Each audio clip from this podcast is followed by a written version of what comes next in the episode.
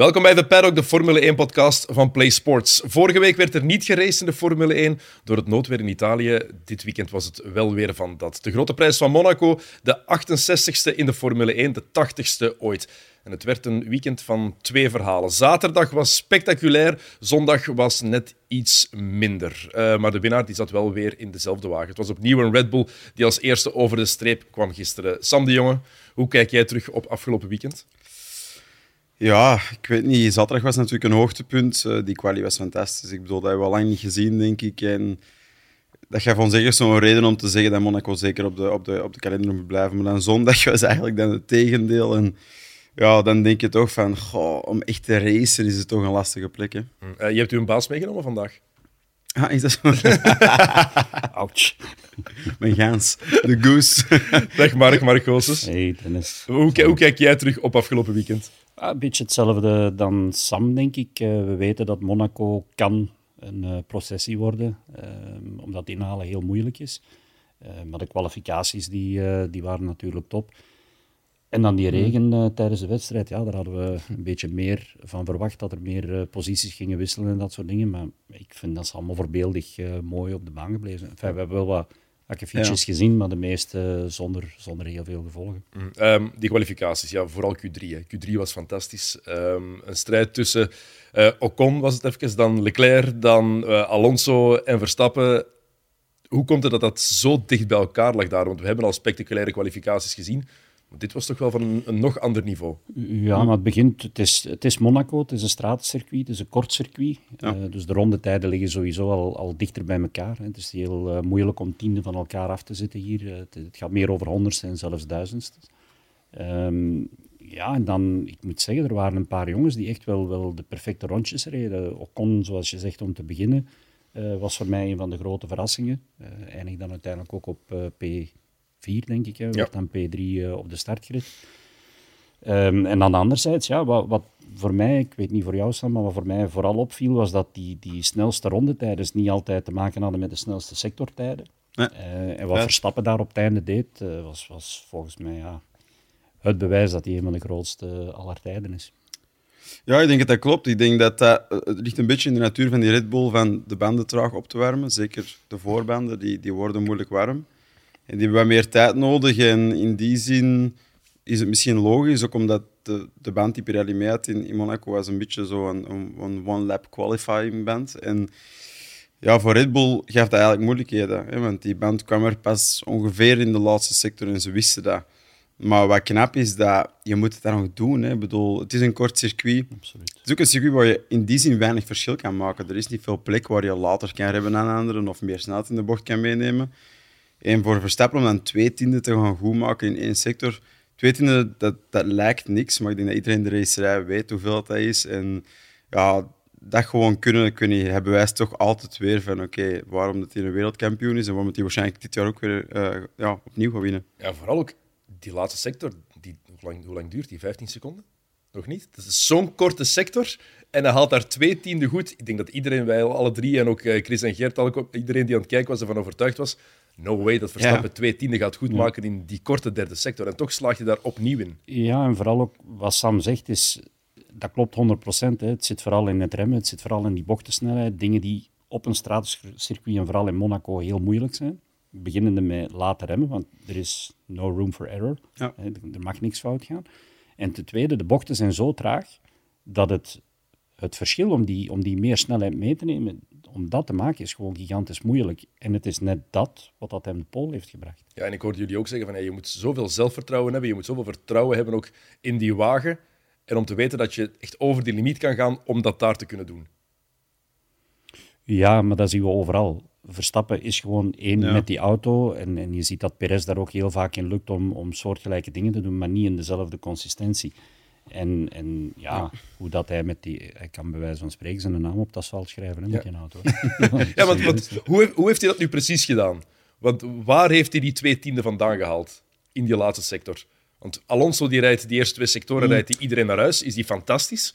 En toch op dat kleine laatste stukje haalt Verstappen dat, maakt hij dat helemaal goed. Waar haalt hij dat vandaan? Ja, ik denk, wat we er net al hadden, die band die komt dan meer tot leven op die Red Bull. En dat is dan heel laat in de ronde. Ja, hoe komt dat dat hij stuk. dan, dan ineens tot leven komt? Ja, omdat, die, omdat de natuur van die auto eigenlijk is om die band eh, niet heel hard te stressen, om het zo te zeggen. En dus door die niet te stressen komt er minder temperatuur in. Eh, die heeft wat meer tijd nodig om dat te doen. En dat wisten we al, dat hebben we doorheen het jaar gezien, dat hebben we vorig jaar zelfs een stuk gezien. Bij Ferrari lukt dat wel. Hè. Ik bedoel, daarom waren die initieel ook op, op één ronde sneller. Hè. Maar we zagen altijd in de race, oké, dan kan Ferrari niet mee en Red Bull wel. Dat is omdat die band minder snel opwarmt en dus langer goed blijft. Dus op, op een race pace of een, een race run komt dat je heel hard ten goede. Nu, Red Bull heeft dan in de winter zo'n goede wagen gebouwd dat hij zelfs in quali mee kan hè, om, om de pole te pakken. Dus dat is gewoon natuurlijk het magische aan die wagen momenteel. En dat heeft Ferrari bijvoorbeeld niet. Dus dat is één ding. En ten tweede is het Verstappen die dan perfect dat weet te benutten. En ik denk dat dat het zotte is, dat wij, dat wij allebei zien. Van, je weet misschien dat dat in de laatste sector komt, maar dan moet je het nog, ook nog doen en pakken en op de juiste manier gebruiken. hè. Dat is het verschil in talent uiteindelijk. Hè. Ja. Dus het, het, het aanvoelen, het uitvoeren van, van wat dat je weet, wat theoretisch kan, in de praktijk omzetten, ja, dat, is, dat is puur talent. Ja, want we praten, vaak wordt dan gezegd van ja, ja talent hè, rijdt in de snelste auto, dan is het gemakkelijk, maar zo, zit het nu, zo is het nu ook niet helemaal. Hè. Je- daarom, daarom heb je ook een ploegmaat om mee te vergelijken, dat maakt het ook zo, zoveel gemakkelijker. Ja, maar dat, als je teruggaat in de geschiedenis van de sport, dan, dan is het altijd wel zo. Hè. Het zijn, het zijn, uiteindelijk zijn het allemaal goede piloten die erin zitten in de Formule 1. En als je dan een goede rijder bent en je hebt een snelle auto, ja, dat vergemakkelijkt de dingen natuurlijk. Maar om het ja, tot in die perfectie uit te voeren, zoals Verstappen nu... Hij deed het in het begin al en, en heel veel mensen hadden zoiets van...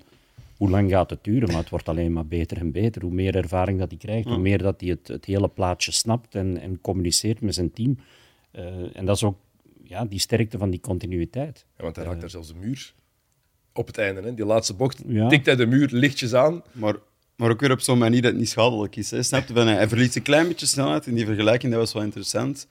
Ehm, hij verliest een klein beetje snelheid terug op het rechte stuk eh, om, de ronde af te maken. En daar pakt Alonso dan een klein beetje die, die snelheid terug.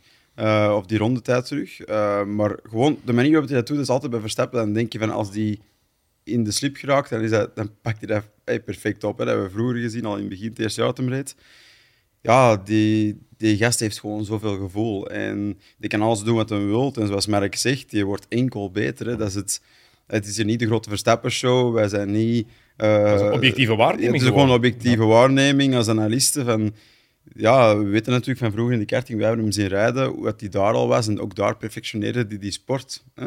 En nu is hij weer aan het doen. Ja. Eh, Mark, je hebt er gereden in Monaco.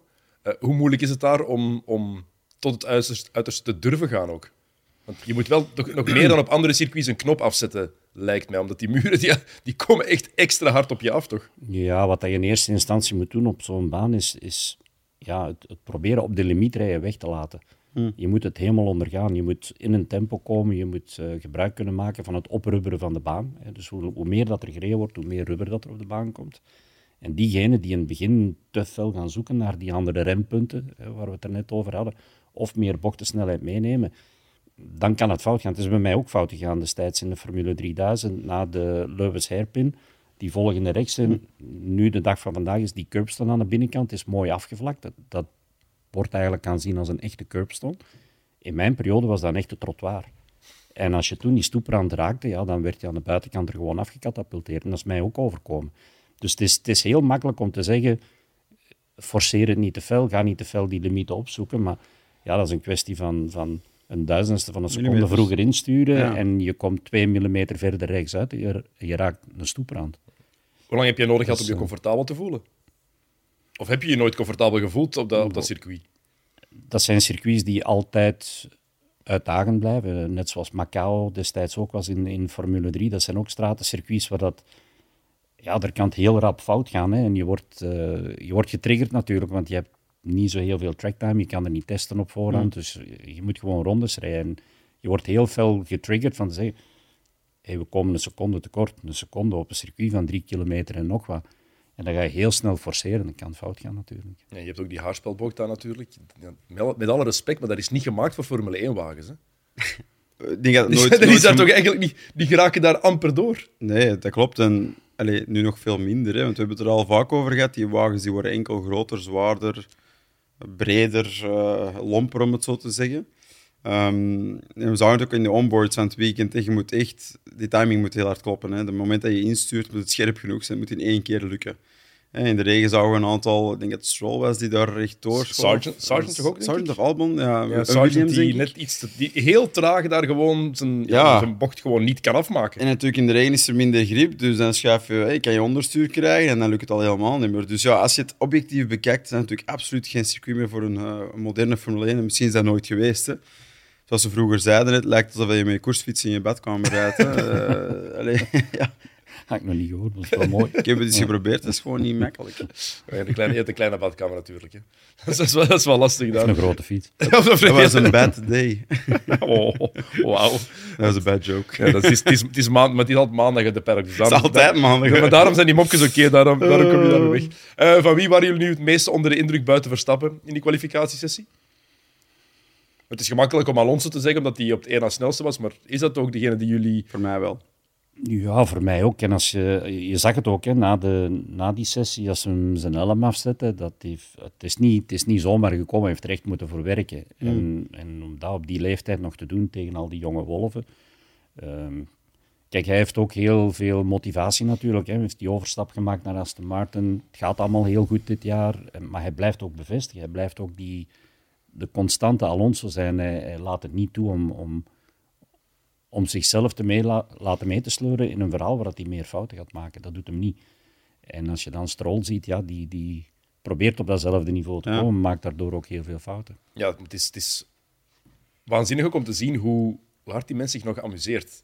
En ik denk dat hij dat, als ik terugdenk aan zijn tijd bij Ferrari bijvoorbeeld, zijn, zijn, zijn tweede periode of zijn derde periode bij McLaren. De laatste met, met Stoffel, toen was hij zich ook niet aan het amuseren. En nu zie je dat die mens die eh, dat wegstappen van de Formule 1 heeft echt precies besef doen groeien bij hem hoe graag dat hij het echt doet. Ja, ik denk dat, dat, dat hij zo beseft van voor hem is nu alles extra. Hè? Alles is een plus. Alles wat er nog bij komt is gewoon gewonnen. En dat hij vroeger misschien niet, omdat je natuurlijk is in je huidige carrière of, of, of, in je actuele carrière, en dan, dan moet het lukken. En als dat niet lukt, dan, dan gaat het nooit meer lukken je denkt denk ik op die moment niet van, ah, ik kan met 42 hier nog uh, terugkomen en in een potentieel winnende auto kruipen en misschien zelfs wereldkampioen worden. Ik denk dat je dat nooit denkt. Dus ik, ik snap wel dat je een druk erop staat op dat moment en het dan moeilijk is om dat anders te zien. Je kan alles wat meer in perspectief plaatsen als je ouder wordt. Het is in het leven zo, maar ook in, in sport is dat ook zo. Hè? Ja, plus wat ik ook denk dat een hele belangrijke factor is, is dat vorig jaar, toen dat hij bekend maakte dat hij ging overstappen van Alpine naar Aston, denk ik dat er heel veel mensen zoiets hadden van, ja, wat gaat hem nu doen? Hè, die auto, dat lukt, er, dat lukt nergens, nooit. Hè. Het zal wel voor het geld zijn. En dat is, dat is waarschijnlijk, ja, maar is waarschijnlijk maar de bevestiging die hij nu levert van dat dat wel de juiste beslissing was, ja, dat is gewoon, dat is gewoon goud waard. Mm. En als je dan tegen al die jonge wolven mm. net in zog kan blijven van Verstappen, met, die toch dominant is, zijn de rijder- en autocombinatie, dan, dan ja, kunnen alleen maar plezier van hebben. Het is ook één na beste rijder dit seizoen gewoon. Ook al staat hij niet tweede in, het, in het wereldkampioenschap, voor mij is hij na Verstappen dit seizoen de beste. Ik denk dat, dat als je kijkt van wie haalt het maximum uit de auto, dat dat klopt. Ik denk dat Verstappen en hij dan veruit de beste zijn. Die ja, de laatste millimeter eruit persen. En echt persen. Hè. En dat zie je ook als die rijden. Dat is het zalige om te zien. En, uh, als je een referentie nodig hebt, kijk naar Lance Stroll. Dat is een, op zich een goede piloot, een snelle piloot. Hè. En kijk het grote verschil is niet dat die met gemak hè, naar de derde plek of zo rijdt, of naar de vierde plek, hè, na de twee Red Bulls. Dat doet hij ook niet, hè, en in de vorige Grand Prix ook niet. Dus ja, daar laat maar even zien dat Alonso zich heel snel heeft weten aanpassen naar een nieuwe auto, een nieuw team. En daar moet je hem toch wel respect voor geven. Ja, Stroll die heeft uh, niet zo'n leuk weekend gehad. Vooral zijn zondag was echt... Ja, die start alleen al hè, tijdens de race. Hij probeert daar een paar keer een gat te vinden dat er eigenlijk niet is. zich daartussen te, te smijten. Het is de zoon van de, van de baas bij Aston Martin. Dat gaat helpen. Maar hoe lang gaan ze het nog kunnen volhouden om die als tweede, tweede rijder aan te houden als hij elke week zo naar huis wordt gereden door Alonso? Want Alonso is echt, het is niet zomaar beter, het is pakken beter en elk weekend. Ja, maar het is ook niet zomaar Alonso. Ik bedoel, als je Alonso zijn carrière bekijkt, dat is ook niet, niet de eerste de beste, om te beginnen nee. nog niet. En ik moet zeggen, ik vond uh, Stroll in het, in het begin van het seizoen eigenlijk verrassend goed. Beter dan wat ik ervan verwacht had. Alleen, hij kan niet blijven bevestigen. En dan moet je natuurlijk de vraag gaan stellen, hoe gaat het zijn wanneer dat we wel terug naar de traditionele circuits gaan? Dan gaat dat misschien wel wat helpen. Misschien moeten we zijn hand nog eens breken. Hè? Dan rijdt het precies beter. Maar, gaan, maar gaan, ze, gaan ze daar, denken jullie, een eerlijke analyse over kunnen maken binnen dat team? Want dat is, dat is heel delicaat, hè? Zoon van de baas, dat is... Hey, ik denk, als je kijkt naar, naar het, het pad dat ze hebben afgelegd als familie, dan, dan is de enige reden dat ze daarin zijn gerold, is Lawrence Stroll heeft dat gedaan voor zijn zoon, voor Lance. Die heeft een kartingteam gekocht, die heeft een Formule 3-team gekocht en, en zo verder enzovoort. En een Formule 1-team gekocht uiteindelijk. Op elk niveau heeft een team waanzinnig als, als je dat zo Ja, hoort. Is dat echt om het mogelijk te maken voor zijn zoon. En ik bedoel, wij kennen piloten. Ehm, ik reed, toen ik testpiloot was bij Mahindra in Formule E, was Rosenqvist, Felix Rosenqvist, die nu in de IndyCar rijdt. Die, die was daar piloot en die werd ingehuurd in de tijd in de Formule 3 om langer te blijven in die klasse. Om aan de zijde van Stroll te staan. Om die een referentie te geven, om die wagen mee af te stellen, om die rap te maken. Dus zijn vader heeft heel veel ervoor over gehad hè, voor zijn zoon. Maar hij is ook wel een business guy en iemand die volgens mij wel streng is op prestatie. En ik vraag me ook wel af van ja, is er een bepaald moment dat hij zegt van de prestatie komt niet overeen met wat de performance kan zijn, zoon of niet. Ik ga voor mijn team, want dat team is veel geld waard en dat moet opbrengen. Want dan kan je inderdaad zeggen, Alon- het is inderdaad niet zomaar iemand, het is Fernando Alonso. Maar langs de andere kant, ja, je ziet natuurlijk ook wel wat iemand uit die wagen kan persen. En dat maakt het een beetje een vergi- vergiftigd geschenk misschien ook voor, eh, voor Lance Stroll. Ja, misschien wel. En dan is mijn vraag eerder van... Stel je voor dat Alonso morgen beslist van... Nu is het echt definitief gedaan. Wie gaan ze als vervanger zetten? Dat vind ik ook een heel moeilijke oefening voor de Ja, familie. Stroll. Dan, want hè, dan, zoals je zegt, destijds in de Formule 3 was duidelijk dat dat Rosenqvist moest zijn. Nu in de Formule 1 was duidelijk dat dat Alonso moest zijn. Maar ja, die kan dat niet eeuwig blijven doen natuurlijk. Hè. Terwijl dat Stroll nog een hele carrière voor zich zou kunnen Ja. hebben. Dat team is natuurlijk wel veel aantrekkelijker geworden door de prestaties van, van Alonso dit jaar. Ik denk dat er heel wat jonge rijders in de voorbije jaren niet naar Aston Martin zouden, zomaar zouden willen gaan om effectief te presteren. Als je denkt aan een Oscar Piastri, Ah, ik gaat dacht naar dat je McLaren. bedoelde Leclerc. bijv- bijvoorbeeld, ja. Ja, oké, maar, maar wacht, ik vind het team is aantrekkelijk geworden omdat ze een goede auto hebben Ja, gebouwd. maar exact. Allee, en, en het feit dat Alonso er dan nog eens in zit, dan, dan hey, 1 plus 1 is Ja. 2. Of dan 3 in dat geval. Of vier. Eh, ehm, ik was nooit al goed in wiskunde, maar... eh, maar, ehm allee, dus laten we ons even... Laten we even stellen, en Vettel zat er vorig jaar in, hè? Ja. de vorige jaren, ook een toppiloot. Dus stel dat Alonso was gekomen op het moment dat, dat die Aston er niet klaar voor was, dan had dat, niet, dan had dat geen aantrekkelijk team geweest. Ook niet voor een jonge maar piloot. het kan, het kan heel snel keren. Hè. En nu is het wel het geval. Die wagen is wel beter geworden. Dus ze weten ook, oké, daar wordt in geïnvesteerd. Mm. Eh, het headquarter daar wordt, wordt groter en groter. Ze zijn daar, eh, we hebben het al gebouwd, is het al klaar, het nieuwe, nieuwe complex. Ehm, maar er wordt veel geld in dat team gepompt. Ze willen daar blijven investeren, blijven groeien.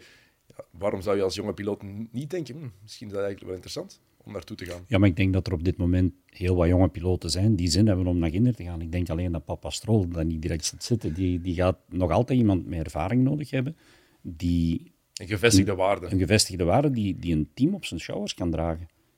Iemand die dat hele verhaal mee, mee verder trekt, want dat is uiteindelijk hetgeen wat, wat ten goede gaat komen van, van Lance. Het gaat Ja. niet gebeuren met, met, met Piastri ernaast te zetten, bijvoorbeeld. Denk ik niet dat Stroll er veel aan gaat hebben. Lance dan, bedoel ik. Maar plus is het niet gemakkelijker om, om zo iemand ouder te hebben die in een andere fase van zijn carrière zit als, als, als mentor. En echt die relatie zo te zien, dan dat je een andere jonge gast naast zit. Dat is bijna meer concurrerend voor zijn zoon, hè, of tegen zijn zoon.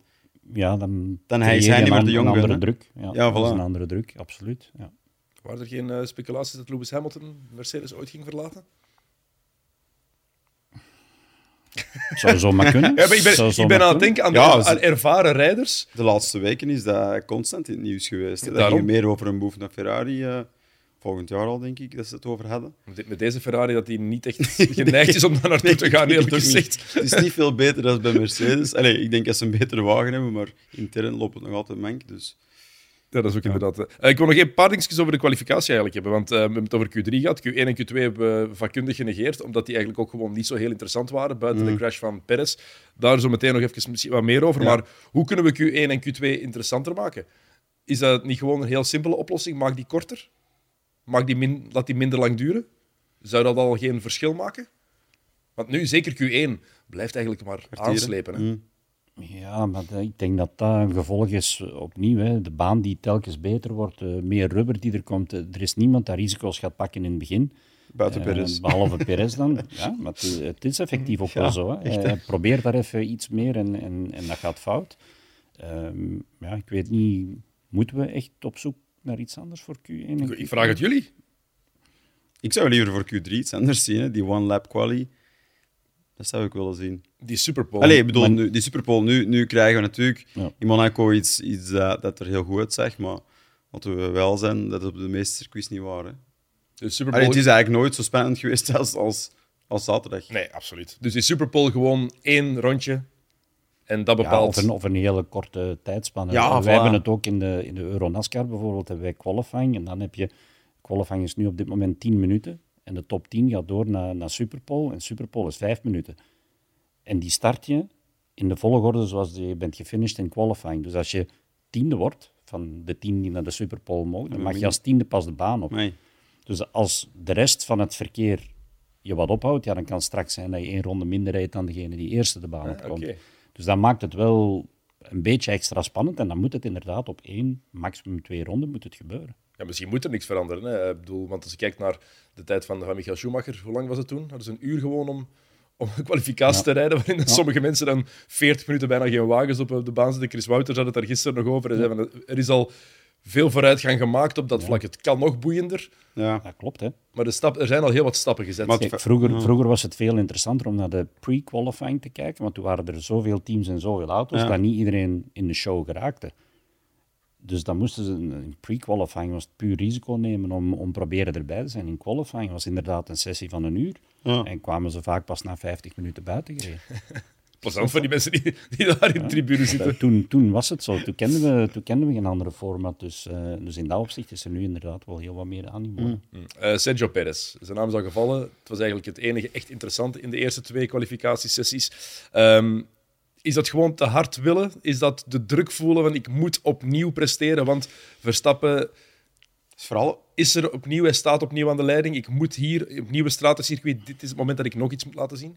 Ja, maar het is vooral op het foute moment. En ik bedoel, als je met een Red Bull rijdt, dan is het zeker niet in Q1 dat je je eigen moet bewijzen. Ik bedoel, je zou eigenlijk met gemak moeten doorstromen. Er is geen vraag dat dat zou lukken.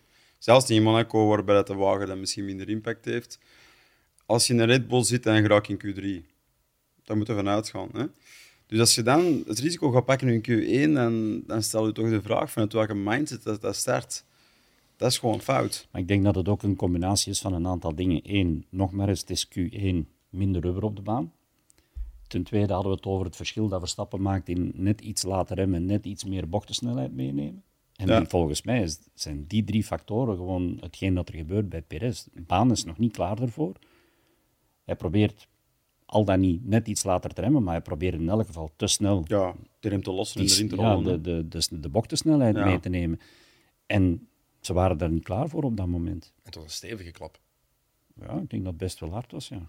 Ehm, Ja. dit geeft zijn titelkansen wel een serieuze knauw. Als je kijkt naar de WK-stand, op zich is er niks verloren. Want Verstappen moet één keer uitvallen, Perez één keer winnen en hij staat er weer, hij staat er weer bij. Dus het kan, het kan zo veranderen. Maar binnen het team moet het volgens mij toch ook wel ergens een signaal zijn. Wat ze, bevestiging van wat ze natuurlijk daar al lang Al weten. ja. Maar dat gaat toch wel een impact hebben. Ik denk, ja, dat gaat sowieso een impact hebben, maar ik denk dat al in Miami was dat eigenlijk al het geval. Ik denk dat, dat Verstappen daar echt gereageerd heeft op, eh, op Perez, die het goed doet eh, dit seizoen. En dat is dus een beetje een nadeel van Verstappen als, als teamgenoot hebben, dat als je die uitdaagt, en het is ten eerste al knap dat Perez in de positie zit om dat te doen, maar als je die uitdaagt, dan wordt hij enkel beter. Ja, dat is, dat is het lastige. Het is niet dat hij dan zo... Oh, en, eh, oeh, hij gaat onder de, druk, onder de druk bezwijken. Nee. Verstappen die heeft zich even geïrriteerd. Ik denk twee races lang heeft hij zich zo wat geïrriteerd en niet zo goed in zijn vel. En in de persconferentie zag hij ook dat hij toch zo'n klein beetje gebeten was. En dan heeft hij dat omgevormd naar beter worden. Dat is winnaarsmentaliteit ook, hè? Ja, dat is winnaar zijn. En natuurlijk, dat is iemand die dan in de positie zit en het talent heeft om dat om te zetten naar snelheid op de baan ook. En allee, ik vind dat hij volledig onder controle is. Nu heb ik helemaal geen twijfel. Die heeft die voorsprong nu en pff, no way dat hij dat gaat afgeven. Hoe lastig zijn ze op, eh op Perez dat hij ervoor gezorgd heeft dat iedereen, dat de hele wereld, nu eindelijk die vloer van Red Bull heeft gezien? Want dat was toch een van de grootst bewaarde mysteries. Hè? Hoe ziet die vloer van Red Bull eruit? Nu weet iedereen het. Iedereen is over de vloer gekomen nu. Ja, ik weet niet in hoeverre dat ze daar op die manier mee bezig zijn, dat is gewoon een gevolg van. De situatie doet zich voor. Ik weet niet of ze daar nu extreem unhappy mee gaan zijn. Ik, ik denk als ze boos zijn op Perez, zal het om andere redenen zijn dan de foto's die verschijnen nu. Ja, op social media was er heel veel over toen. hè. Twitter stond er, stond er vol van. Ja, maar dat is het nadeel van social media. Is die, daar wordt het ook allemaal een beetje aangewakkerd en, en, Echt? Heeft en social media ver- Is- is- uit- is- is- vergroot en in de niet. spotlight gezet. Dus ik weet niet. Ehm, de grote details die, die het verschil maken, die, die, die zie je waarschijnlijk toch niet. Zelfs niet op de foto's die nu genomen zijn van een auto die in de lucht hangt Ja, ik, ik geef het eerlijk toe, op dat vlak ben ik een complete leek ook. Ik zie die twee, ik heb de vloer van Mercedes aangezien en die van Red Bull, ik zie die naast elkaar. Ja, je ziet wel wat verschillen, maar voor mij is dat echt... Ja, je ziet ik verschillen, zie maar dat- niet, ik- niet ik- veel. Nee, maar ik denk dat het dan vooral naar de designers en, en de engineers moet, moet, eh, moet gaan om, om door welke bril zien zij Ja. dat? hoe, hoe zien zij die situatie? En ik denk dat het dan over bepaalde details gaat die eh, een auto die zoveel meters van de grond hangt ook niet allemaal, niet allemaal kenbaar gemaakt worden. Dan dat ik bewust zeg als leek. dus excuus aan ingenieurs die zouden luisteren. Ik weet het, ik heb daar vlakje er geen klote van. Ehm, de zondag was ook niet echt een dag van, van Sergio Perez. Want hij, had, eh, hij moest een inhaalrace inzetten, hè, dat was het grote doel. Eh, rondje 2 gaat hij naar de harde band. En dan ehm, heeft hij daar die aanrijding met Lance Stroll. Ehm, ah, tenminste, dat hij even eh, moet uitwijken. Ehm, dan heeft hij dat incident waarin hij op die haas inrijdt. Eh, wordt hij aangereden door George Russell. Gaat zelf nog eens aan het zwembad eh, van de baan. Maar, ja, en maar hard. dat heeft hij echt... allee, dat was wel graaf. eerlijk Die- die save was toch wel machtig, of niet? Ja, ja Oh, absoluut. Zo'n tricky sexy van circuit. Oh, ik weet niet. Die komt er heel goed weg. Ik bedoel, Mick Schumacher kwam met een helft minder van zijn auto aan. Hè. Die, Ja, die pakt eigenlijk ja, hetzelfde mee. Hè. Ja, maar dat incident met Stroll was eigenlijk het opvallendste. Ah, Hij rijdt daarin op die haas, was de haas van Magnussen daar hij op inrijdt, zeker. Dat was gewoon... Ja, hij zei breaktesting, maar ik denk niet dat het geval was. Sorry, man.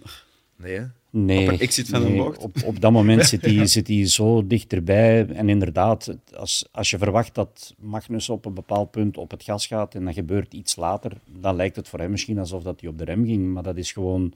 Dat, dat zijn de mogelijkheden die Magnussen heeft. Die kan niet sneller op de gas met, met, Ja. met een haasauto. En ik denk dat het ook een beetje een, een ophoping is van frustraties bij Perez op dat moment. Dat hij, hij wil zich lanceren natuurlijk om bij die exit er langs te gaan, om nog voordat hij richting Raskas gaat, eigenlijk voor Magnussen te zitten, maar het was gewoon fout ingeschat. Ja, plus ik denk voor hem, voor Perez was het ook zo van oké, die zaterdag was heel slecht en, en eh, hij excuseerde zich natuurlijk voor, voor die fout. En dan op zondag, oké, winnen dat gaat niet meer lukken. Maar als hij dan bijvoorbeeld een, een, een fantastische inhaalrace rijdt, dan is die zaterdag zo goed als vergeten, snap je? Dan wordt hij nog onthaald als held in Monaco, zoveel posities winnen, weet je, dan komt er goed vanaf. En de frustratie van te voelen dat dat niet lukt, inderdaad, dat heeft hem volgens mij geleid tot veel te hard te pushen en fout te pushen. En hij heeft dan nog eens de pech dat er in Monaco gisteren eigenlijk zo goed als niks gebeurde. En meestal heb je daar safety cars of, of heb je daar crashes en je geeft weer de mogelijkheid om in dat veld naar voren te springen met een Red Bull. Want ik vond er eigenlijk een heel subtiele sneer ook van, van Verstappen naar, naar Perez. Toen, ik- misschien dat, dat ik het ver- compleet verkeerd heb opgevat, hè, maar eh, hij komt dan aan, hij wint en hij zegt tegen, de, tegen zijn, in zijn teamradio: great, great points for the team. Omdat hij ze heeft gepakt. Omdat hij ze alleen heeft gepakt. Ik vond dat heel, heel subtiel zeggen van hier. Ik geef jullie toch 25 punten, waar Ja. was die een andere? Misschien is dat, is dat totaal niet zo, hè, maar in, maar mijn dat- hoofd kwam dat wel zo binnen. Ja, ja, alleen, kijk, je moet het ook even anders bekijken. Perez gaat na die eerste ronde naar de harde band, in de veronderstelling van kans in Monaco om, om een aantal safety cars te hebben, is best wel groot. Als er dan op strategisch vlak een aantal mensen gaan pitten en je blijft zelf op de baan, win je aan track position. Had altijd gewonnen geweest. En anderzijds, ze wisten allemaal, als ze keken naar de weerberichten, dat er kans was op regen. Ja, als je dan op een bepaald moment met heel weinig regen zit en je kan langer met die band doorrijden terwijl anderen gaan pitten, ergens begrijp ik wel van waar dat de, de strategie kwam. Alleen het draaide ook langs die kant in zijn nadeel. En dan wordt het alleen maar frustraties hè, en dan kun je geen punten pakken voor het team. Dat is gewoon een strategie die ze gekozen hebben, volgens mij. Er, was ook, waren ook wat frustraties daar in het incident met Lance Stroll. Jullie waren daar gisteren eh, allebei ja, eensgezind over. Het is echt wel de fout van Perez daar. Eh, Stroll die, die heeft zijn lijn, die rijdt voor Perez, dus die mocht die, mocht die bocht zo pakken. Hij kon ook niet anders.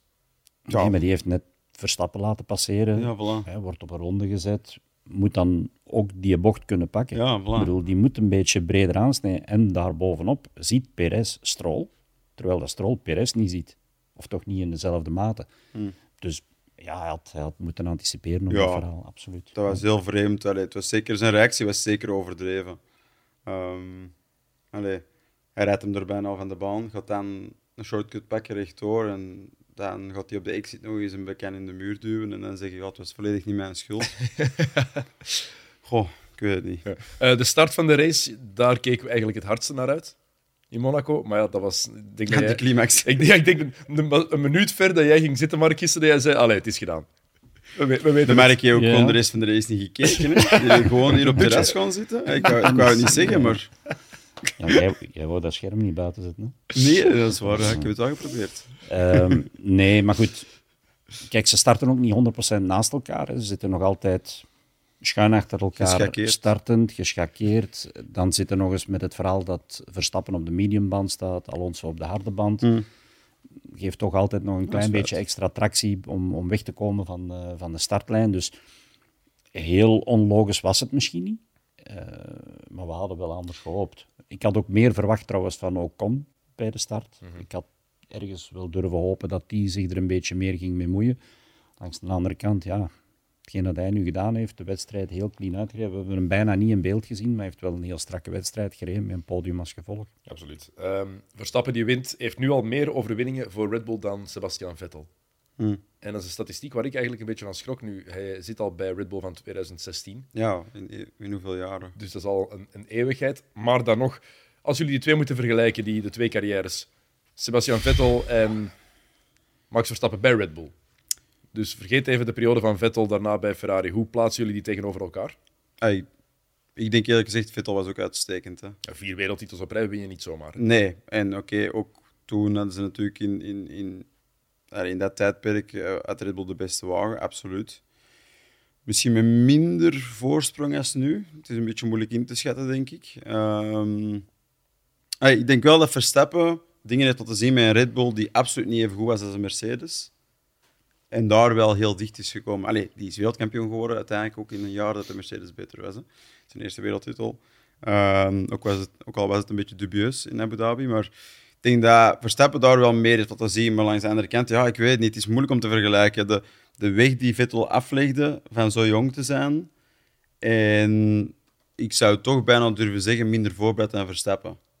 Ja, toen hij in Formule 1 kwam. En daar dan bij, bij Rosso een verschil maakte. Ik denk, ik weet niet of dat Verstappen beter was voorbereid, maar is anders voorbereid. En, en Completer toch? ja, misschien wel, maar Uit het is ook jeugd. een generatieverschil. Hè. We spreken over effectief wel tien jaar later. Ja, ja. Alles is verder ontwikkeld. Die sport is absoluut niet meer hetzelfde dan tien jaar geleden. En twintig jaar geleden. En die jongens zijn allemaal begonnen in de karting. Al die andere categorieën, karting, Formule 3, ja zwaar. Formule 2, f- eh, vroegere Formule 3000, dat, er is continu evolutie. Ook in die klasses. Dus de voorbereidingen zijn anders. De, de, ja, ik denk, hij is waarschijnlijk completer dan, dan wat dat Vettel was toen, dat hij, toen dat hij binnenkwam in de Formule 1. Maar er zijn redenen voor. Ik denk, ik denk dat er gewoon een verschil is in generatie. Ja, maar ik vind toch dat Verstappen is toch meer een product. Allee, is waarschijnlijk het, zowel het eerste echte product. Gemaakt voor de Formule 1, door zijn vader gekneed. Gewoon op de juiste manier, als in van zeker qua hoeveel dat hij heeft gereden vanaf dat hij vier jaar was. Ik denk dat dan daarna zijn nog meer piloten dat beginnen doen. En zeker als er geld was natuurlijk, want dat is altijd eh, voorwaarde. Maar ja, ik vind toch dat Verstappen daar, dat bedoel ik, met die is er beter voorbereid aan kunnen beginnen, omdat het door zijn vader zo gevormd is geweest. Ik denk dat Vettel het wel meer op, zijn, op zichzelf heeft moeten doen. Wat ergens toch misschien ook wel... eh, dat je misschien mee in de, in, de, in de overweging moet nemen. Ja, maar ik denk dat dan zowel BMW destijds als, ehm, als, als Red Bull in een latere fase eigenlijk Verstappen hebben omringd zoals Jos het heeft gedaan voor zijn eigen zoon. En dan denk ik dat we heel veel credit moeten geven aan, aan papa Verstappen, want die heeft van begin af aan heel duidelijke doelstellingen gezet. En dat is perfect gelukt, Gelukt, omdat hij ja. ook zo getalenteerd is. Maar ik vind het een heel moeilijk vergelijk Ja. om, om, eh, om Vettel... Oké, het is allebei bij Red Bull, Maar ik denk dat daar, daar ongeveer de vergelijking stopt. Allebei wereldkampioen bij Red Bull en that's it. En, en allebei zeer getalenteerd, absoluut. En hè. top op jonge leeftijd, want door, dat is een beetje recency bias, maar door die laatste jaren van, van Vettel, eh, zeker bij Aston Martin, is het heel gemakkelijk om te vergeten hoe fantastisch die was op jonge leeftijd en wat voor een fenomeen dat eigenlijk Maar- ook was. Jongste wereldkampioen ooit was hij toen. En ik denk, het is heel gemakkelijk om verder te gaan en te denken van ja, eh, Vettel bij Ferrari was geen succes eigenlijk uiteindelijk. Het is nooit, het is nooit echt gelukt. Eh, we hebben nooit een wereldtitel gewonnen, was, waar toch op eh, gehoopt werd. Eh, Aston Martin de laatste jaren was een beetje uitbollen. Maar we mogen niet vergeten hoeveel vuur er in die gast zat als, als jonge, jonge rijder. Dat was echt dat was een bommetje. Hè? 100% akkoord. Ja, Monza, Toro Rosso in de regen. Pole pakken en dan winnen. Bedoel, Dat winnen vooral. Die wagen was absoluut niet goed genoeg om te winnen. Hè. En natuurlijk, de regen heeft dat gemakkelijker gemaakt. Hè. Die, de verschillen die worden dan iets meer door de piloot gemaakt. En dan het voordeel van de wagen valt iets meer weg. Maar alsnog, weten dat was zo sterk. Ook gewoon toen al zag je bij Vettel van, dat hij met de druk kon omgaan. Hè. En ook- Ehm, En ook een killer hè, op de echt baan. een killer, ja. Ja, Zelfs tegen zijn eigen ploegmaat. Hè? Eigenlijk me- nog, nog meer dan Verstappen tot nu toe. Allee, meer een killer. Hij heeft het meer moeten inzetten tegen Mark Webber. Hij, En hij heeft het ook gedaan. hij, ging meer, hij ging echt over lijken. Ja, ja, absoluut. En ik denk, dat is ja- jammer, dat is zo, maar dat is typisch in alle sporten zo. Hè. Als je denkt aan alle grootheden die op het einde iets minder worden of een, mindere jaren hebben, dat is, het is gemakkelijk om die, die, die topjaren eigenlijk wat te vergeten. Te vergeten. komt, na zoveel tijd ga je er pas op terugblikken. Ah ja, toen was hij ook zo fantastisch. Daarom dat ze vaak zeggen, je moet stoppen op een hoogtepunt. hè. Dat is heel moeilijk als je het graag doet. Absoluut heel Is dat heel moeilijk, hè? Eh, regen in Monza, dat was ook regen in Monaco. Sam bedacht even, ja, nu gaat het komen. We gaan spektakel krijgen. Ehm, en we hebben wat glijpartijen gezien, maar dat was het. Dat was het. Ja, het is, het, is, niet super. Het heeft gewoon niet heel veel verschil opgeleverd. Ik denk dat dat meer is. Weet je? Als, als, als, als er meer verschil had geweest en er veel posities waren gewisseld, bijvoorbeeld, omdat mensen risico namen met bandenkeuze, bijvoorbeeld, dan, had dat, dan hadden we er wel van genoten, denk ik. Maar eigenlijk is dat niet gebeurd. Ehm, ja, we hebben, er, we hebben er niet zoveel kunnen uithalen. Het was wel interessant, want ze waren wel echt aan het schuiven. En ik vond wel de onboards knap om te zien. En dan, ik weet niet, ik denk dat mensen dat ook willen zien. Van, zoals wij denk in de vorige podcast ook al zeiden, van wat is er mis met de huidige Formule 1? Zou je niet moeten zien dat die moeten vechten ermee? Dat dat machines zijn, dat die, ja, dat, dat de beste piloten ter wereld zijn. Op zo'n moment zie je dat wel. Dat vind ik wel cool. Ik denk dat die situatie gisteren alleen maar bevestigt dat al die jongens die er zitten getalenteerd zijn. Ja, Om in die omstandigheden met die banden op de baan te blijven. Nu, het voordeel dat ze dan misschien nog een beetje hadden, was dat een stuk van de baan nog redelijk droog bleef en op een ander stuk werd het nat. Dus ze hadden meer de kans om een definitieve keuze te maken om voor banden te gaan, behalve Magnussen. Ja, want die kreeg het op een gegeven moment moeilijk, want die, die dweilde van links naar rechts. Waarbij dat bleek dat al de rest wel juist zat in die beslissing. En, maar het was niet zo dat het ofwel in één keer de hemelsluizen openkwamen en alles in één keer helemaal nat was, want dan denk ik dat er meer verrast zou geweest zijn. ja. En, en ze hebben nu wat meer opbouwtijd gehad in de beslissing van binnen te komen om intermediates gaan te halen. Terwijl ik ervan overtuigd ben dat op een bepaald moment de baan zelfs nat genoeg was voor Ja. full wedstrijd. Absoluut. Langs de andere kant heeft dat er dan ook weer voor gezorgd dat de foute keuze die Alonso maakt Hmm. Om naar de harde band over te schakelen, Ja. nee, die ging naar de, medium, naar de harde band toen nog, Ja, denk hard, ik, hè? Ja. dat hij de ronde nadien terug kon binnenkomen om intermediates gaan te halen. Hij had zoveel Marge, hè? tijd en marge Ja. om, om ja, die foute beslissing alsnog recht te zetten. Foute beslissing misschien niet, maar een foute inschatting van de weersomstandigheden. Ja, en allee, die, die, die, die keuze van die band van toch weer een slik te pakken, was heel vreemd. Maar eigenlijk vanuit het oogpunt van Aston Martin was dat hun kans. Dat, was, hun kans. Als het zojuist Ja. had uitgedraaid voor Ja, hun, klopt. had dat de kans geweest om, om, eh, om naar de leiding te kunnen gaan. En de enige kans eigenlijk. Dus ja, zo'n foute keuze was dat niet. Hè. Vanuit hun, hun voorspellingen ging het eh, Nee, nee. droger worden, een enkel droger worden. Had het 100% juist geweest. Dat was hun enige optie om Voilà. strategisch iets anders te doen dat beter was dan, dan de rest. Dus, dus, dus een risico leek dan achteraf dom, maar het was wel een risico en dat, moet een, allee, dat is toch wel Ja. chapeau. Wat er ook leuk aan was, je, je hoort op zo'n momenten nog meer de communicatie tussen de teams, omdat die zo belangrijk is. En wat we dan ook gemerkt hebben, is dat er bij Ferrari de communicatie nog altijd op niks trekt. Stay out, stay out, stay out. Dus ze, ze veranderen daar de, wedstrijd, de, de, de ploegleiding, omdat het communicatief beter moet zijn, geen misverstanden. En dan zie je zo'n race als gisteren en dan horen we Carlos Sainz kwaad worden uh, op zijn Ja. team. Dat hij zegt van, ik had jullie nog gezegd dat het niet zo moest zijn. Ehm, heeft dan ook gezegd achteraf van, ja, ik ben extra fel, want het is in Monaco. En dan is het allemaal iets spannender. En dus daarom dat ik misschien wat, zo wat, wat scherper klonk. Maar voor, voor mij is dat niet... in- Hoe het bij mij binnenkomt, dat komt niet door Monaco. Dat is gewoon omdat het nog altijd niet goed zit bij dat team. Puur communicatief, hè? En dat is opnieuw een opeenstapeling van, van Exact. gebeurtenissen die, die al langer aan de hand zijn. Hè. Dat is ook het enige team die met twee auto's tegelijk in de pitlane staan. en oké, nu zijn de weersomstandigheden die, die, die ermee voor zorgen. Dat, zijn, dat is het enige team die discussies hebben tussen twee rijders die elkaar in de weg rijden tijdens qualifying. Dat, dat, dat blijft gewoon. Blijft gewoon. Dat krijgen ze niet meteen, eh, niet meteen rechtgezet. ook niet, denk ik. Leclerc die daar in de weg rijdt van Norris, die niet verwittigd wordt door zijn team, dat er iemand achter hem in de tunnel komt aange, aangeraced. Waardoor hij... Die van- daar een waardoor gigantisch, gigantische crash uit kunnen veroorzaken. Hè? waardoor Als je de hij- tunnel dat meemaakt, man, en je vliegt over iemand anders de lucht in. En waardoor dan hij van je 3 naar niet 6 gaat ook voor, voor zondag ook nog om sportief ook nog eens belangrijk. Ja, ja, ja, inderdaad. Allee. Ja, maar ik denk, hè, we hebben dat gisteren ook al aangehaald tijdens de uitzending. Dat is niet 100% het team een fout. Ik denk dat een Nee, rijder zich ook heel goed bewust moet zijn van... Ik rij hier de tunnel in, met de verandering van licht naar donker Mm. en terug. Dat is niet de ideale plek om, om, eh, om zomaar van je gas te komen.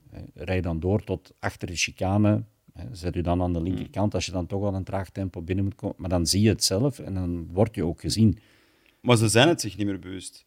Dat is het probleem. Nee, ja, ja, dat klopt. Allee, daar hebben we al eens over gehad, van hoeveel verantwoordelijkheid ligt er nu nog bij de piloot. En hoeveel is het allemaal zo data gedreven dat ze bijna enkel uitgaan van die data. En als die data dan is hapert, eh, want als je de GPS-signalen volgt en je kijkt waar die bolletjes op circuit rijden en je probeert als ingenieur voor je piloot je juist te plaatsen. Ik denk dat iedereen in de autosport weet, in andere klassen is het nog veel moeilijker, dat, dat is zo cruciaal, track position hè, in quali. En dat is ook een van de moeilijkste dingen. Je wilt een vrije ronde. Als je alles uit een band moet kunnen halen, dat betekent op de limiet zitten, dan mag je niemand voor u zitten. Dat is het meest- hatelijke wat er is. En in de Formule 1 rijden ze met een van, ah ja, qua aantallen, een van de minste aantallen qua auto's op de baan, eh, van alle autosportklassen. En toch slagen ze daar, ni- daar niet in om dat juist te doen. Ik vind dat zo ergens... pff, ik weet niet. Het is allemaal te veel gebaseerd op data. Het is, het is te Dat is ook- weinig... ze hebben ook te veel middelen. Hè. Ja, Ze hebben te veel middelen, ze hebben te veel mensen die Mm. het doen. De- de- dan is er gewoon te veel kans op fouten maken. Mm. Ofwel moet je het 100% Te complex 100 worden. perfect correct uitvoeren. Maar dat gebeurt heel weinig. Wij Mm. zien het zelf ook, hè. Eh, Sam. Met Red Ant Racing, als wij in de Ja. Carrera Cup zitten, sta ik langs de kant te spotten om jou op eh, track position te geven, om een vrije ronde te krijgen in qualifying. Dat is niet makkelijk en al zeker niet met de middelen die wij hebben in de, in de box. Moet je gewoon langs het circuit gaan staan op een punt waar dat je overzicht hebt op de, op de baan. Maar Ja. dat, is, dat, dat is en blijft een cruciaal iets, Voilà. dat is track position in Maar- functie van qualifying. maar zelfs als je dat doet, ligt er nog altijd een verantwoordelijkheid bij mezelf. Absoluut. om te zien dat ik het zelf een stuk juist inschat. In mijn spiegels goed te kijken en als, als Mark bijvoorbeeld tegen mij zegt, oké, daar is een gat en je kan, hè, je kan zoveel lengtes laten vallen. Dat is nog maar een inschatting van zijn, vanuit zijn positie, maar ook vanuit de auto is dat moeilijk om te zien. Hè. Je zit helemaal ingepakt op zich met je helm en zo, dus je ziet niet heel veel. Dan nog is het aan mij om te kiezen van, oké, als ik nu van het gas kom, moet ik zien dat mijn banden goed blijven. Ja. Ze blijven die warm genoeg, zijn de drukken goed van de banden, want hè, je moet het ultieme eruit halen. En ik moet mijn eigen juist zetten. Dus er is meer verantwoordelijkheid bij de piloot. En ja, ik vind dat in de Formule 1, de huidige Formule 1, toch te weinig is. Eh 6 en 8 voor Ferrari. Als gevolg van ja, foute communicatie. Binnenkomen voor de verkeerde banden eigenlijk. En dan, daarna moeten doorgaan naar, naar Inters. eh, waardoor Sainz en Leclerc ook niet echt tevreden waren. Wat te begrijpen is natuurlijk. Hoe kijken zij daar nu op terug, denken jullie? Ze eindigen achter de twee Mercedes'en. Volgens Vasseur eh, redelijk positief. Hij, hij vond het blijkbaar niet dat ze, dat ze heel veel fouten hadden gemaakt. Dat ze de juiste calls hadden gemaakt. Dat ze... Ja, dat, dat, dat het achteraf altijd gemakkelijker is om, om te zeggen, de race had zo moeten lopen. Alles is achteraf gemakkelijker om te Ja. zeggen. Ik, vind ik vond dat zo'n domme reactie van Vasseur. Ja, en ik vind ook van... ah, er, er hangt zo'n negatief stigma rond dat team. Toch? Allee, niemand lijkt daar gelukkig.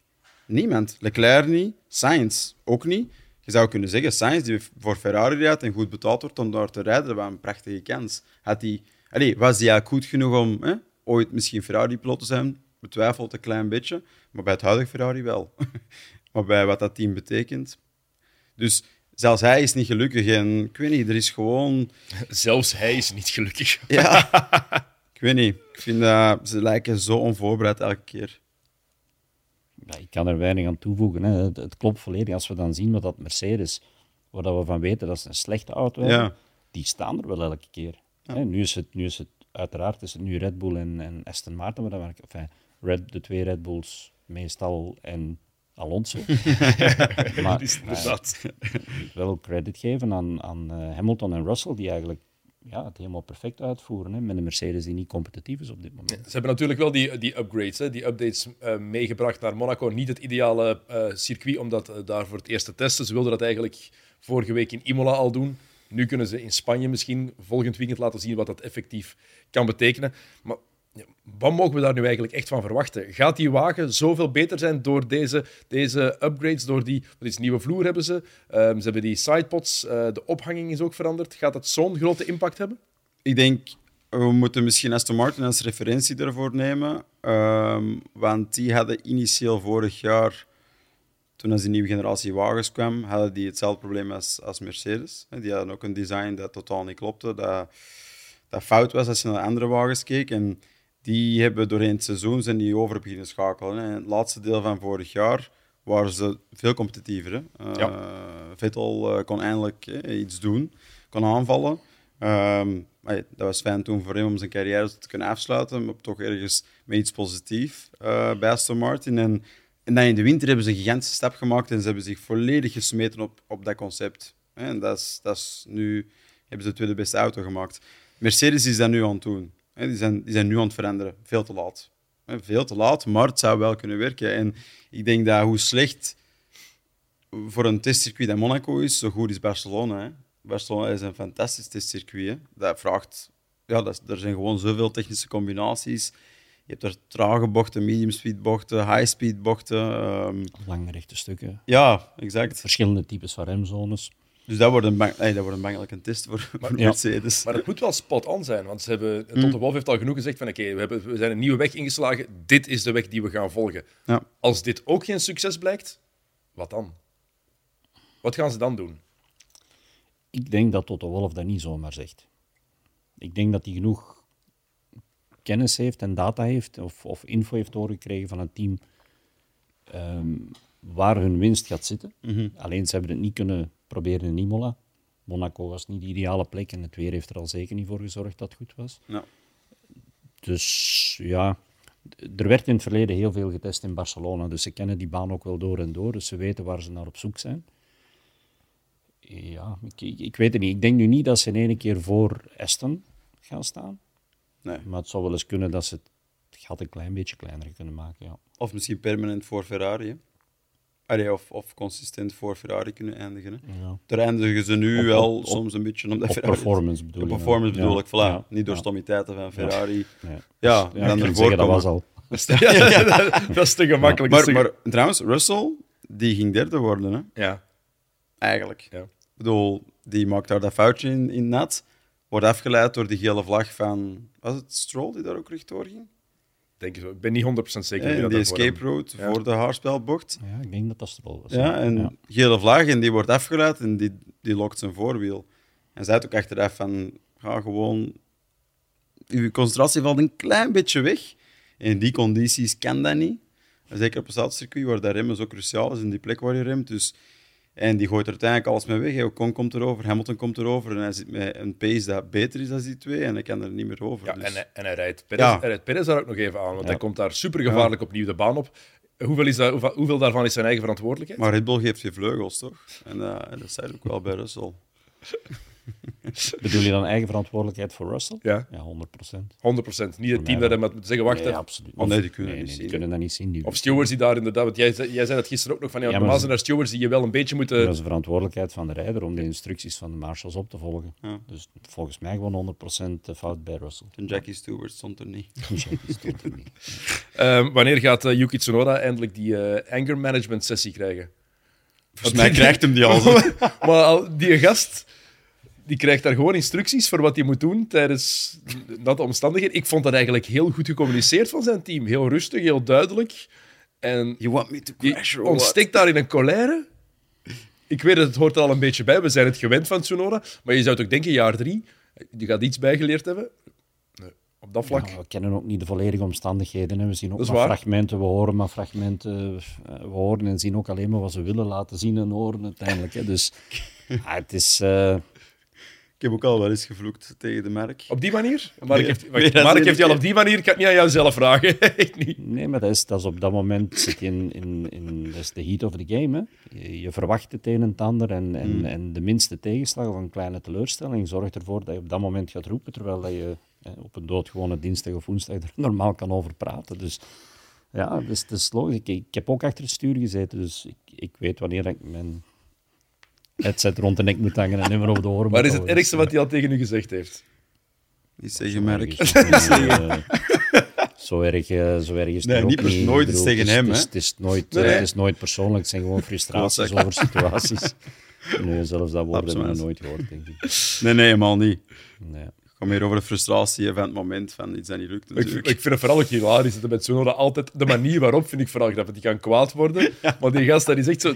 Dat is zo'n beetje zo'n zo'n kindje van drie, vier jaar dat in de supermarkt zijn goesting niet krijgt, of in de speelgoedwinkel zijn goesting niet krijgt en gewoon op de, op de grond begint te slaan. Dat is, in mijn hoofd is dat Tsunoda. En ergens, dat helpt dan ook dat hij effectief zo klein is. Dat, dat, Maar ook- beeld maakt dat maar ook de automatische connectie tussen de keel die opengaat en het knopje dat de radio in doet. Snap je? Het is, het is ook nooit los van elkaar. Het is altijd samen. Dus, is niet eh, gewoon dat roepen maakt het ook wel. Anders zouden wij het natuurlijk niet meekrijgen.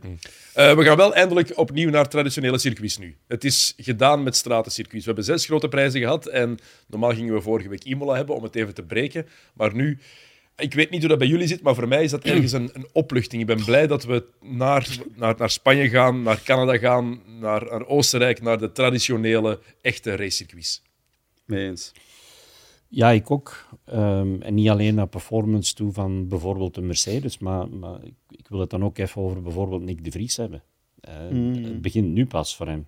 Nu komt hij op circuits waar dat hij vroeger gereden heeft. Nu komt hij op circuits waar dat hij de juiste voorbereiding heeft, waar het team meer en meer data verzameld heeft gedurende de Ja. jaren. Dus ehm, zijn overstap is tot nu toe absoluut niet echt succesvol geweest. Nee. Ehm, en ik ben echt benieuwd wat dat hij nu in Barcelona gaat kunnen doen. Maar ik, ik verwacht eigenlijk wel een, een serieuze stap. Alhoewel dit weekend was hij al een beetje dichterbij. Eh, maar het verschil met zijn ploegmaat blijft wel enorm natuurlijk. Ja, en hij, en hij moet met, hij moet met, met harde geruchten omgaan. Hè. Ik bedoel, Nu al. is, in, de, in de fabriek geweest om een stoeltje te maken.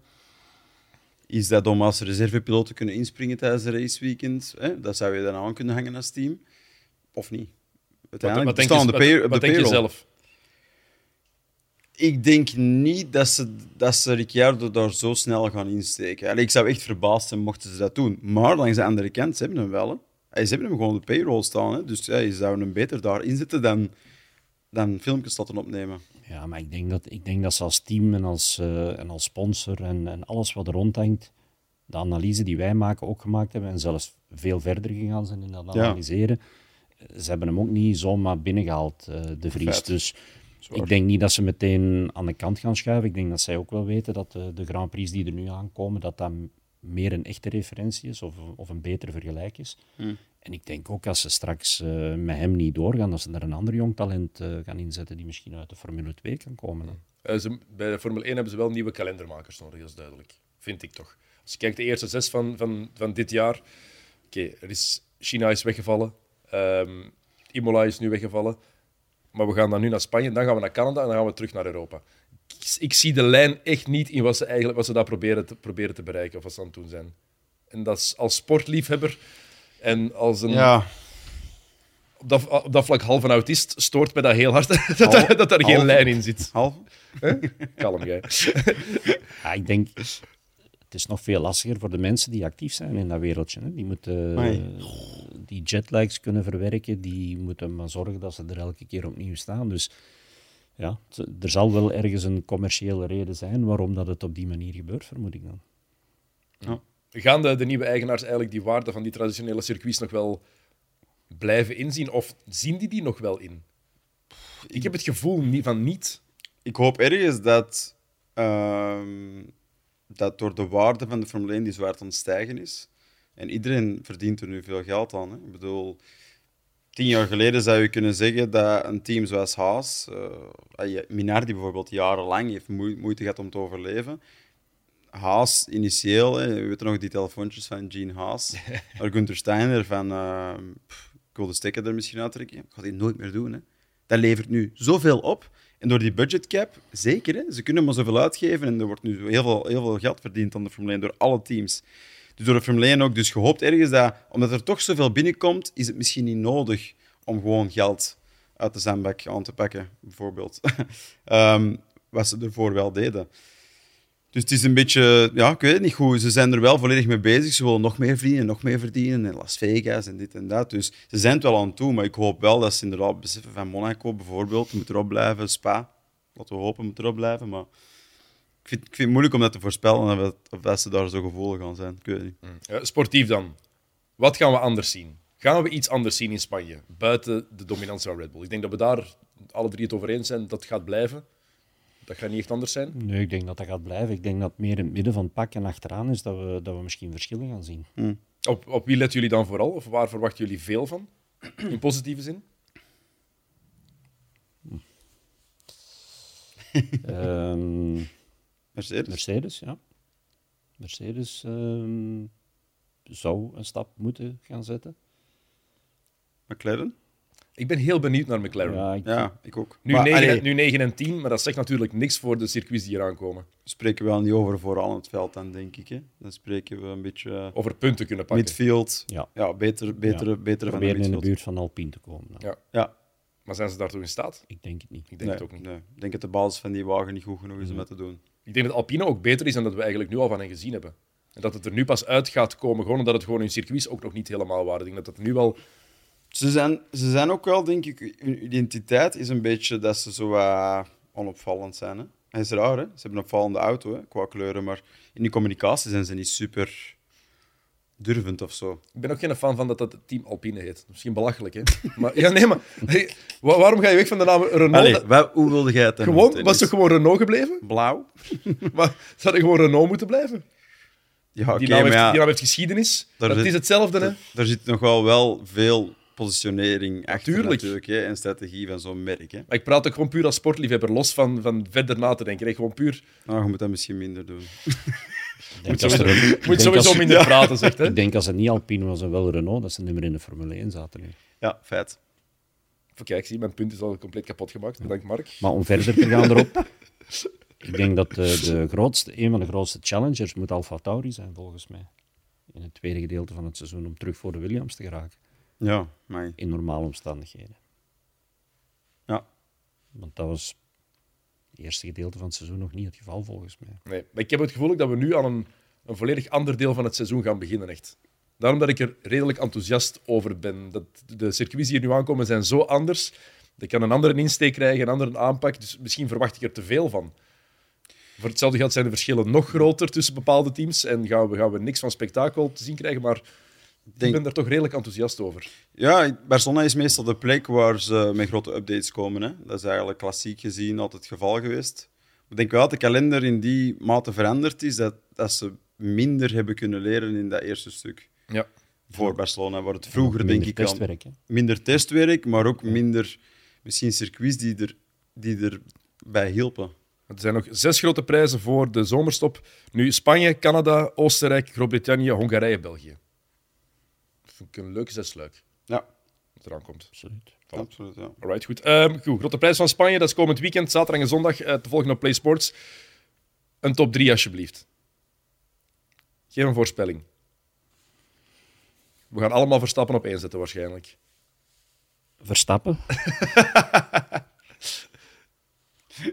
Verstappen, Perez, Hamilton. Oké. Okay. Sam? Nou, moeilijk. Alonso. Op drie? Gewoon op één. Op één? Gewoon echt om zot te doen, hè. Maar bedoel, er moet dan niets gebeuren, hè. Maar Alonso in eigen land op één. Maar dan betekent dat er eigenlijk iets gebeurd is met Verstappen. Dus die verdwijnt dan uit mijn top 3. Anders wint hem. hè, Als er Een, be- beetje het, eh, het Rosberg eh, Hamilton 2016, Ja, waar die elkaar ik- daar van de baan rijden ik- en waardoor Verstappen zijn eerste race kan winnen. Voilà, ik, ik, ik, ik reken ergens op, eh, op tussenkomst van buitenaf. Maar pakt Alonso, Perez, Russell. Oké, Ja. goed. Ik ben heel benieuwd wat het gaat worden. is wel, zou een shocker zijn. Het, zou interessant zijn ook. Eh, Mannen, merci om tijd te maken op deze, op deze feestdag vandaag. Ehm, zaterdag en zondag dus de grote prijs van Spanje te volgen op Play Sports. Maandag is er opnieuw een aflevering van de Paddock en dan eh, zijn wij er ook weer bij. Ehm, dus alles voilà, gewoon te volgen. Heel benieuwd wat het gaat worden komend weekend. Of eh, de voorspelling van Sam gaat uitkomen. Ik betwijfel het, maar je weet maar nooit. Misschien is hij een orakel. Voilà, tot volgende week. Salut.